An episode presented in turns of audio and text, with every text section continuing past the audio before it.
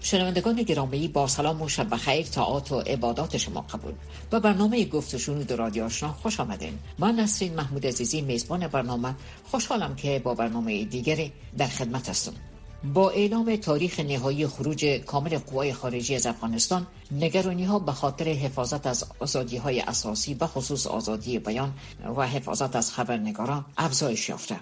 این در حال است که طبق گزارش ها در ماهای اخیر چندین خبرنگار افغان در حملات هدفمندانه کشته شدند که تا حال مسئولیت شمار زیاد موارد کشتار خبرنگاران هیچ گروه به عهده نگرفته. در برنامه امشب از دو خبرنگار برجسته رادیو آشنا صدای امریکا آقایون زفر بامانی و میرویس بیژن دعوت کردیم تا در مورد کارکردها و نگرانی هایشان در امور رسانه ها صحبت بکنند خب میمان عزیز با سلام مجدد و برنامه گفت و شنود خوش آمدیم آقای بامیانی اگر صحبت با شما آغاز بکنیم روی آشفتگی های سیاسی امروزی که چه تاثیری بر وضعیت رسانه ها در افغانستان وارد می‌کنه شما چه تصویری به شنونده های رادیو آشنا ارائه کرده می‌تونین با سلام به شما و شنونده عزیز رادیو آشنا صدای امریکا.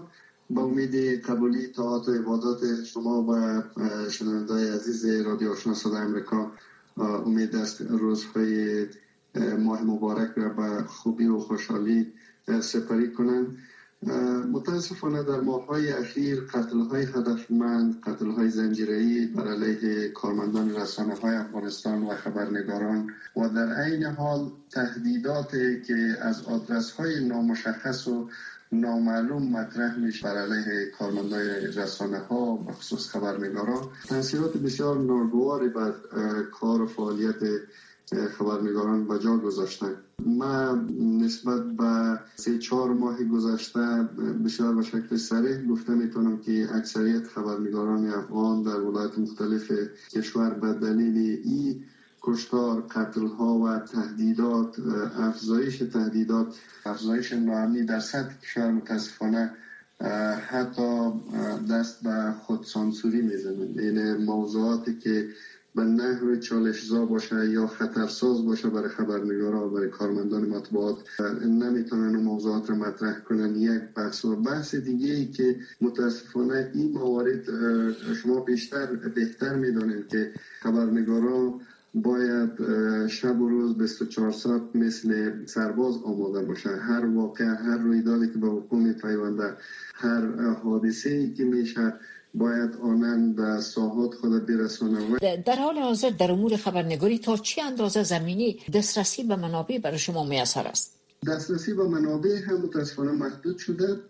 یک بحث کلان ای هست که خبرنگارا ولایت مرکزی افغانستان در گوشه گوشه کشور شکایت کردن با وجود از اینکه بخشای مطبوعاتی گسترده شده و تشکیلاتش افزایش یافته دفاتر مطبوعاتی مختلف ایجاد شده. اما بان هم میزان دسترسی و معلومات کاهش یافته. و یا اینکه او معلومات را که یک رسانه یک خبرنگار می‌خواهد او را در دسترس رسانه ها مطبوعات قرار نمیده به نحو اطلاعاتی که مورد نیاز هست در زمینه اطلاعات آماری مثلا موضوعات دیگه اینا خیلی با سختی به دسترس قرار می‌گیره من فکر می‌کنم چیزی که روزمره ما سر کار داریم متاسفانه زمینه دسترسی به اطلاعات هر روز محدود میشه و این تهدیدات و جنجال های اخیری که افزوده شده این به کلی کار رسانه را در سطح کشور دشوار ساخته بخصوص خبرنگارایی که همواره در ساحات میرد وقتی که از یک رویداد بر ما گزارش دهیم می‌کنین در قبل از گزارش دهیتان چی مسائل باعث ناراحتی یا نگرانی شما میشه؟ خب یکی از موضوعات هست که جدیدا متاسفانه در ماههای اخیر اتفاق افتاده هرچند در برخی ولایت افغانستان موضوع ناامنی و چالش ناامنی وجود داشت. مثلا حتی در کابل پایتخت کشور خبرنگاران وقتی صبح از خانه یا به طرف دفتر کار می‌رفت طرف سوژه یا برنامه را که کار می‌کرد گزارش روی از او کار می‌کرد یا برنامه را تولید می‌کرد دغدغه و تشویش بود که ممکن یک حادثه یا یک حمله تروریستی صورت بگیره؟ مبادا قربانی شود و یگانه نگرانی بسیار مهم و چالشزایی که امروزه تمام خبرنگاران افغان در سطح کشور با او مواجه است موضوع ناامنی هست. ما وقتی صبح از خانه میرم با وجود ازی که بامیان از ولایت امن و مسئول برای بسیاری فعالیت ها و کارها بوده ولی متاسفانه آن وضعیت ناگوار هست وضعیت نامناسب هست نگرانی را داریم که آیا زنده پس ممکن در دفتر کار یا خانه برگردیم یا خیلی شما از مقامات چی انتظار دارین؟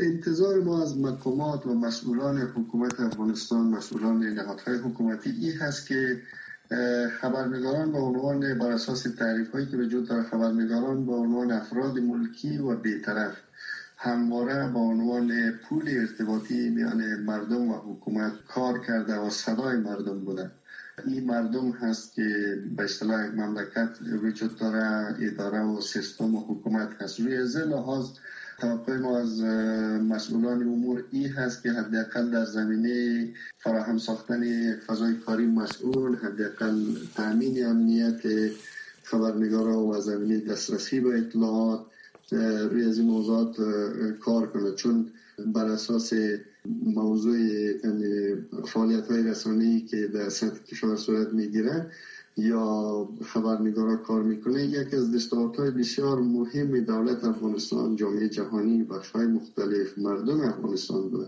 و در را خبرنگاران زیاد قربانی شده.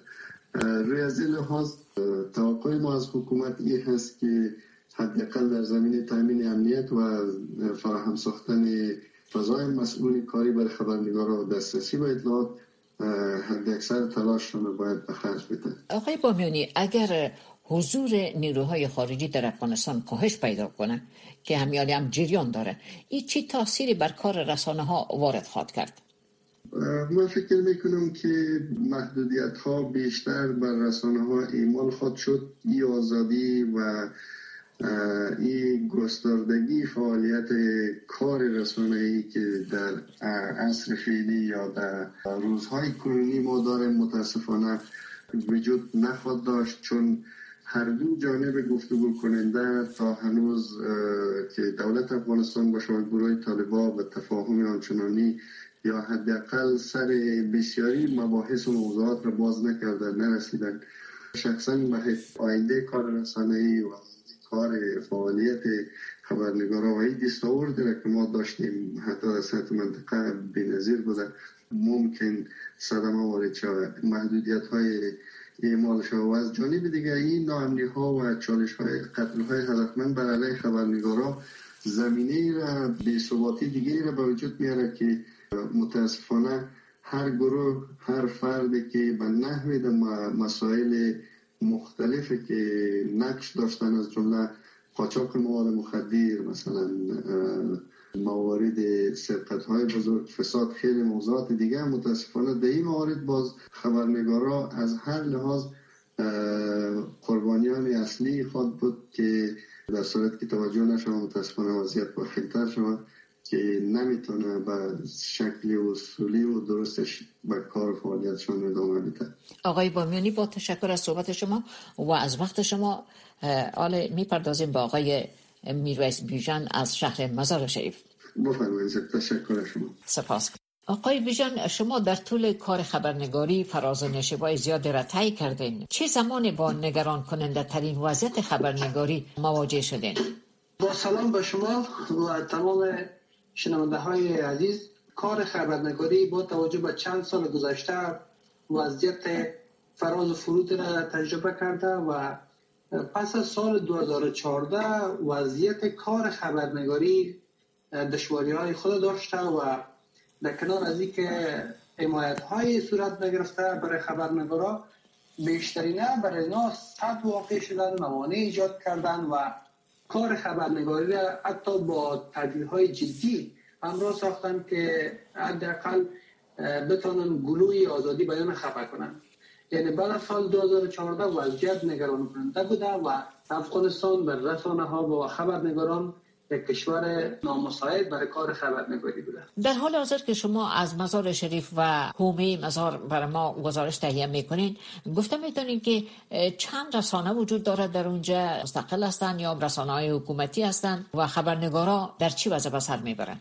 از حدود 4 تا 5 سال گذشته به این طرف بیشتر از 18 تا 25 رسانه شامل چاپی صوتی و رسانه های اینترنتی در شمال افغانستان به ویژه در ولایت بلخ فعالیت های گسترده داشتن و در جریان یک سال گذشته بیشتر از این حداقل 70 درصد این رسانه ها به دلایل مختلف از جمله مشکلات اقتصادی های امنیتی وضع نامساعد اینا بسته شدن و نشرات متوقف شدن.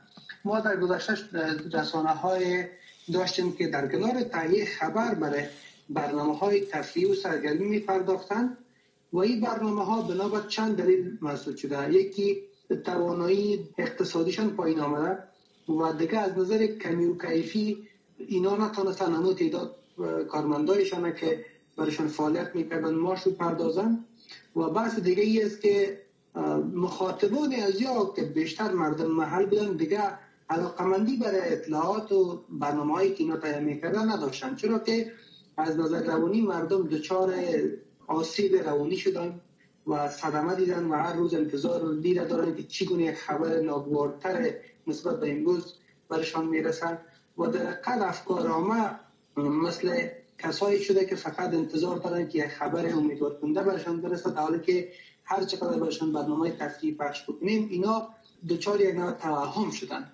شرایط در شمال افغانستان به گونه است که کار رسانه‌ای و فعالیت رسانه‌ای بنابر حمایت های گسترده اگر صورت بگیره ادامه پیدا میکن در غیر دو تداومش بسیار سخت است. ما رسانه های مستقل را داریم که بنابر مشکلات اقتصادی بنابر فشارهای بیرونی و داخلی مسدود شدن و توقف کردن و کارمنداشان اخراج کردن و از فعالیتشان دست کشیدن این نشان میده که وضعیت به گونی است که اگر رسانه مورد حمایت های حزبی مورد حمایت های حکومتی اگر قرار بگیره خود در غیر از او با پروژه هایی که حکومت در اختیار رسانه قرار میده هیچ وقت رسانه بقا و تداوم پیدا کرده نمی‌تونه. در حال حاضر چقدر دست باز دارین که یک گزارش جامعی را تهیه بکنین و به دسترس رسانه ها قرار بدین؟ خب اگر دستبندی بکنیم کار رسانه را در دو که در موضوعات روتین روزمره که مثلا ما برای تهیه گزارش خبری میریم و یکی اگر دستبندی بکنیم و دسته دوم مثل تهیه گزارش های تحقیقی. در قسمت تهیه گزارش های روتین و روزمره بیشترین اطلاعات به صورت آنی در اختیار ما قرار می‌گیره ولی با آنچنان که مثلا ما بخوایم نه بلکه با تماس های مکرر با فشارهای مکرر که بر مسئولین و سخنگویان حکومت وارد می‌کنیم. حداقل یک مقدار اطلاعات را به دست میاریم. و هم به صورت غیر تایید شده. این ما از مقام های محلی از منابع مردمی استفاده می‌کنیم کمتر اوقات منابع حکومتی حاضر میشن که جزئیات در اختیار ما قرار بدن. برخلاف اگر طرف دیگه قضیه را فکر بکنیم اگر ما از یک رویداد درگیری از یک منطقه اطلاعات تهیه بکنیم نهادهای حکومتی که مسئولیت تامین امنیت دارن اطلاعات در ما نمیتن برخلاف طالبا بیشتر اوقات اطلاعاتشون رو در اختیار ما قرار میتن یعنی در حقیقت جو اطلاعاتی را و میزان افکار عامه را بیشترش دیگر گروه در اختیار داره به جای دیگه حکومت در اختیار داشته باشه. چرا؟ کتمان حقایق می‌کنه. اطلاعات در اختیار رسانه دور می‌سازن و در اختیارشان قرار نمیتن یعنی نقض قانون دسترسی به اطلاعات بیشتر از طرف حکومت صورت می‌گیره. و بود دیگه اگر ما تهیه کنیم گزارش های تحقیقی در موردش فکر بکنیم و گپ بزنیم هیچ وقت رسانه ها و خبرنگارا دست باز در قسمت تهیه گزارش های تحقیقی نداشته و ندارن به دلیل از که با هر ورقه با هر برگه که از در مورد یک رویداد در مورد یک موضوعی در مورد یک پروژه عامه شما بخواین یک تحقیق انجام بدین یک گزارش تحقیقی انجام بدین. با هزاران مورد از از عملکرد غیر قانونی فراقانونی نهادهای حکومتی رو برو میشه مثلا ما دمی آخر می‌خواستیم که در مورد صحت عامه پروژه‌ای که در مورد کرونا و دوران کرونا بحران کرونا صورت گرفته بود گزارش تحقیق تهیه بکنیم. با هزار یکصد مشکل روبرو میشیم. اولا خب هر رسانه برای برای هر کارمند خود یک دونه کارت دارن به نام آیدی کارت یا کارت ویت. با وجود داشتن هم کارت اینا یک ورق دیگه می‌خواین که معرفی نامه است. با وجودی که این ورق هم تهیه میشه باز رئیس یک اداره راجع می‌کنه موضوع را به والی ولایت. یعنی قانون دسترسی به اطلاعات کنار گذاشته میشه و اینا از خودشان یک پلیسی و یک اصول مندرآوردی ایجاد می‌کنن که موقتا نه کارساز است و نه جنبه قانونی داره و اخلاقا باعث میشه که کار رسانه کار تحقیق و مشکل مواجه شود. با اشتار اخیری که خبرنگارا از جانبداری حکومت دست بکشن یا که با عواقب ناگوار مواجه خواهد شدن خبرنگارا چطور می‌تونن که شوی کار خود تغییر بدن؟ آیا به کار خود بعیس خبرنگار ادامه دادن می‌تونن؟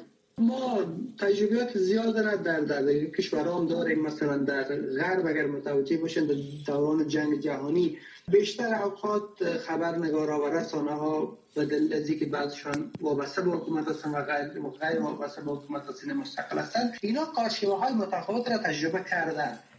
اگر ما در شرایط جنگی قرار می‌گیریم می‌تونیم که از ترفندای اخلاقی کار خبرنگاری قسم استفاده ببریم که جان ما در خطر نباشد و بر اساس قاعده اخلاقی کار خبرنگاری که در ژورنالیسم معروف است جان خبرنگار از هر خبر کردن مهمتر است به خاطر اگر خبرنگار بخواه به خاطر یک خبر جان خود تهیه کنه در حقیقت قاعده اخلاقی بهش اجازه نمیده که نباید این کار بکنه. در شرایط جنگی که دو طرف هیچ وقت قاعده های اخلاقی و حقوق بشر دوستانه رو در نظر نمی‌گیرن. قانون بشر دوستانه جنگ در این صورت خبرنگاران می‌تونن با استفاده از ترفندهای اخلاقی که شامل کاربرد واژه هاست استفاده بکنن و جانشان نجات بدن. استفاده و در نظر گرفتن رعایت اصل بیطرفی. قسمی که چند روز پیش طالبا هم در یک پیام تیویترشان نوشتارگونه گفته بودن که رسانه هایی که اصل بیطرفی رعایت نمی‌کنن و نه همه می‌تونه که بیطرفیشان از سوال بره کارشان از سوال بره. این یک پیام تهدید گونه است برای کی؟ برای کسایی که در در شرایط جنگی کار می‌کنن. در شرایط جنگی آدم یا خبرنگار نباید با عمق قضایات او مرحله پیش بره که جانش در خطر میفته حداقل او اطلاعات را که نزدیک به واقعیت باشه یا انعکاس از واقعیت باشه بتونه از مردم تهیه بکنه از منابع دیگه تهیه بکنه که قابل دسترس هستن. من فکر می‌کنم که در شرایط افغانستان اگر ما انتظار داشته باشیم که گروه هایی که تا روز تا چند روز پیش ما را میکشتن ما را تکفیر می‌کردن ما انتظار داشته باشیم که اونا بیاین و شرایط مساعد بسازن که بتانیم کار بکنیم. این یک عرف محال است. و انتظار ما این است که خبرنگارا به جای از اینکه بپردازن به مدح و به سرایش اوصاف خوب بد گروه ها باید بپردازن بر خطایی که وجود داره اگر ما هر روز بیایم در گزارش های خود طالبان گروه دشت افغان بگوییم و دولت بگوییم گروه سل هستن در قبل ماهایی که می‌خوایم افکار آمه را جهت دیهی بکنیم ما خود ما رایت اصل بیترفیل رایت نکردیم و یه اصل سبب میشه که یا طالبا یا گروه دیگه که ما ازشان نام می‌گیریم هر روز علیه ما جبهگیری بکنن. و تجربیات خبرنگارا در دیگه کشورها نشان داده که استفاده از کلمات که مفهوم واقعی را نمیرسانه و کلمات کاذب هستند و کلمات هستند که حداقل اساسیت برانگیز هستند این واکنش جدی را داشته مثلا ما اگر اشاره بکنیم به قضایایی که در افغانستان صورت می‌گیره چند روز پیش هم صداهایی که منصوب به گروه درگیر در جنگ افغانستان است شد که دو صداها گفته شده بود که خبرنگارایی که های درگیره چی دولت چی حکومت و چی طالبا را گروه های خراب یا با اوصاف بد توصیف می‌کنن اونا حداقل بیطرفیشان ما زیر سوال است و مورد هدف نظامی هستند. و بحث دیگه است که خبرنگار به عنوان یک چشم گوش مردم که طرف هیچ کس نیست فقط طرف مردم است. باید اینمی موضوع را توازن موضوع رویداد و بیطرفی خود در, در موضوع در نظر بگیره تا که جانش حفظ باشه و سلامتش تضمین باشه. ما, ما با, با, با, با, هیچ گروهی که رسانه ها را هدف قرار میده موافق نیستم. بلکه در بسیاری موارد حکومت خودش نقص کرده قانون را که وضع کرده قانون را که تصویب کرده. مثلا شما با وجودی که داشت کار داره با وجودی که از یک رسانه معتبر هستین بخواهید که در مورد قضا در مورد وضعیت قضا گزارش تهیه بکنین به هیچ وجه هیچ قاضی حاضر نیستن بله شما بیشتر خاطر جلوگیری از بیروکراسی که اشاره کردین از مسئولین چه انتظار دارین؟ به خصوص از کمیته حفاظت از خبرنگارا که از سرگردانی های شما جلوگیری شود از یای وقت خبرنگارا جلوگیری شود بر تهیه گزارش. خب تجربه که من در شمال افغانستان دارم همین نهادهای حمایت کننده از رسانه ها بیشتر اینا برای حل منازعه به صورت بسیار پیش پا افتاده و مقدمه تلاش می‌کنن. یعنی یا فقط در عد یک دعاگوی هستند که با اعلامیه هایشان فقط می‌خواهند که در حق ما دعا بکنن. دعا به این معنا که یک وقت یک حادثه صورت می‌گیرن. اینا بجای ازی که بره مسئولین مورد سوال قرار بده و مسئولین مورد پاسپورت قرار بده به عنوان یک نهاد که در قرارداد اجتماعی اخلاقی جامعه دموکرات او مؤلفهش تعریف شده باید اینا عمل بکنن میرن به عنوان یک دعاگوی به عنوان یک نصیحت کننده عمل می‌کنن که این نصیحت نصیحت که اینا می‌کنن یا این دعایی که اینا می‌کنن به هیچ وجه قابل قبول مورد پذیرش جامعه خبرنگاری و جامعه رسانه افغانستان نیست. ما تا کی قربانی خشونت ها قرار بگیریم و اینا بیایم اعلامیه بکنن ما انتظار ما از رسانه نهادهای حمایت از رسانه هایی است که چرا در, در برنامه هایشان مستقیم نهادهای مسئول مورد سوال قرار نمیتن وقتی که تو میای تعهد می‌کنی کنوانسیونیا را کنوانسیونیا بین را امضا کردی و افغانستان عضوش هست و, مکلف مجبور به تطبیقش هست. چرا نمیخوایی که قانون تطبیق شود؟ چرا نمیخوایی که عامل قضیه خشونت علیه خبرنگار و محکمه معرفی شود. این از, از مشکلات جدی کار خبرنگاری است ما در افغانستان بدبختانه بدبختانه نهادهایی داریم که فقط به خاطر ای هستن که نام رسانه را گرفته پروژه دریافت می‌کنن. این پروژه ها در کجا مصرف میشه در جریان از سال 2014 به این طرف بیشترین اگر شما خبر که از آدرس دولت آمریکا اعلان شد که بیشترین پیسه به خاطر خبرنگاره با مصرف رساندن. در کجا رساندن؟ این پروژه ها این پیسه ها در جای مصرف شدن که اینا فقط برای دونر خود گفته باشن که ما آگاهی کردیم ما ظرفیت سازی کردیم که ظرفیت سازی برای کی کردن؟ برای او گزینه های کردن که برای او موره های کردن که برای آزادی بیان موثر نبودن. ما در افغانستان یک مشکل داریم که رسان خبرنگار یک رسانه به صورت وافر به صورت واضح عنوان یک سرباز آزادی بیان کار می‌کنن. او ظرفیت سازی نمیشه او حمایت نمیشه بلکه موره های دیگه که اصلا به عنوان موره های سوخته حسابش می‌کنیم هیچ کارایی ندارن در قسمت آزادی بیان. حتی نمی‌تونن در فیسبوک خود موضوع بنویسن که خبرنگاری جرمیز اونور از اون موره های حمایت میشه. انتظار ما به عنوان یک رسانه خبرنگاری که چندین سال در رسانه مختلف کار کرده ای است که نهادهای حمایت از خبرنگاران مسئولین مورد بازپرس قرار داده و هزینه هایی که برای اینا مصرف میشه باید برای برای موره های استفاده کنن که حداقل در هر موقعیت از کره زمین باشه برای آزادی بیان کار بکنن.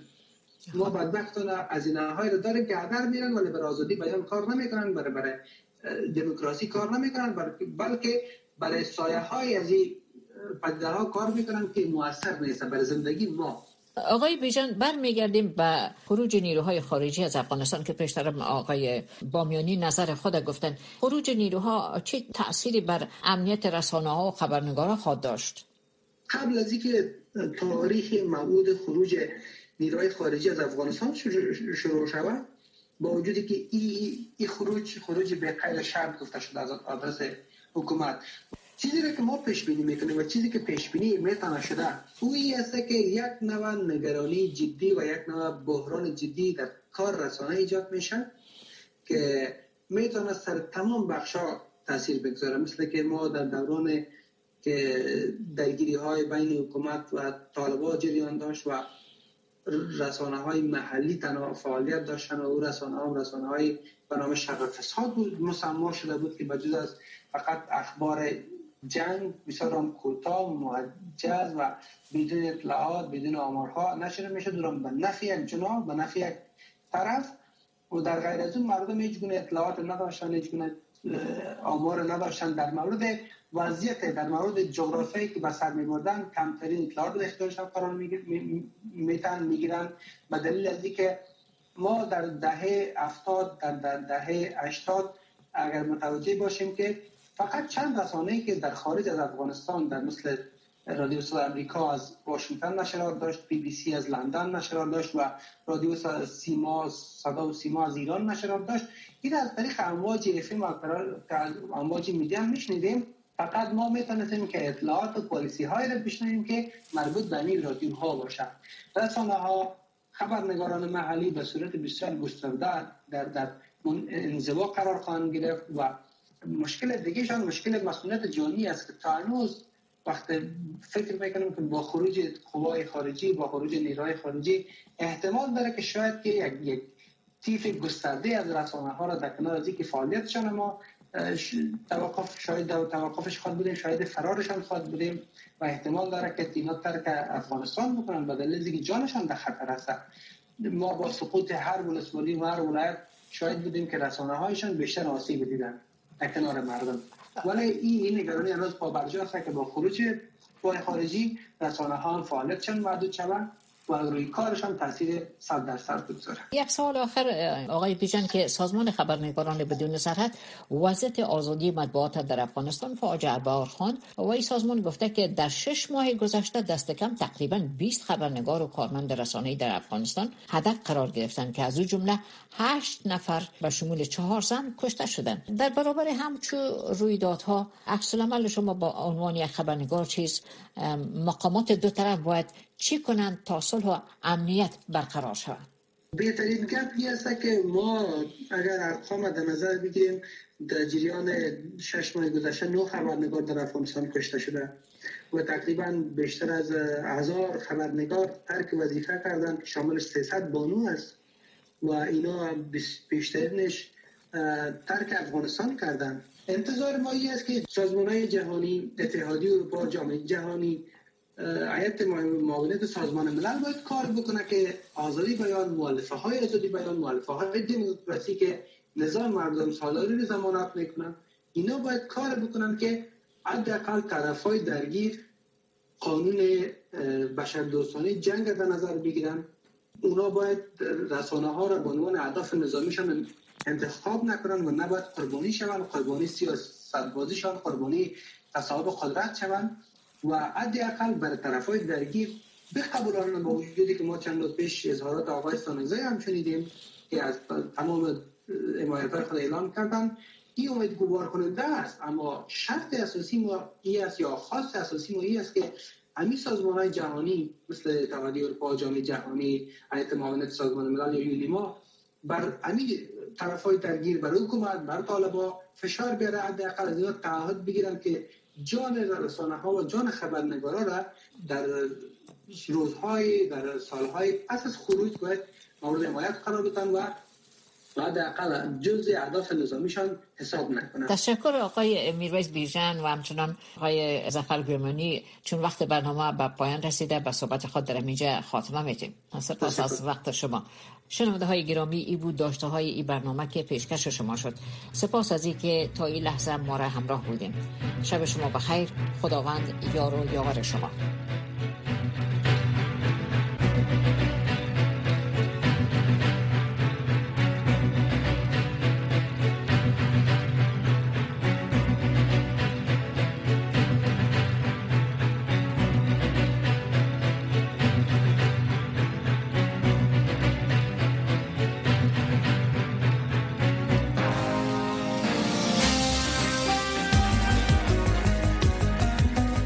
رقم از گسترش کرونا ویروس که یک بیماری بسیار جدی است جلوگیری کنیم.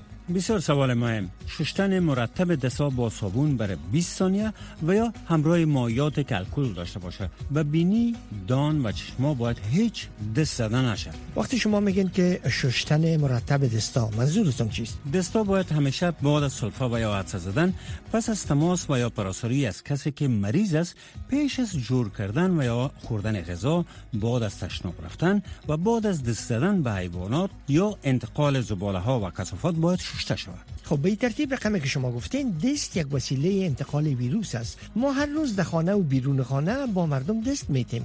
موضوع مهم را شما یاد کردین. از دست دادن دستبوسی و بغل کشی با را پریز بکنین. و از کسانی که سلفا و یا عدسه می‌زنن کم از کم یک متر فاصله بگیرین تا ویروس با هوای تنفس اونا به بدن خود انتقال نتین. پس در این صورت بهتر است که آدم همیشه ماسک بپوشه راستی یک کپ بسیار مهم دیگه. باید در جاهای آمد تف نکنیم و وقت سلفا و عدسه زدن دهان و بینی خود با دستمال یا آستین پد کنیم. مسئله مهم دیگه ایست که در صورت داشتن تاو، سلفا و مشکل تنفسی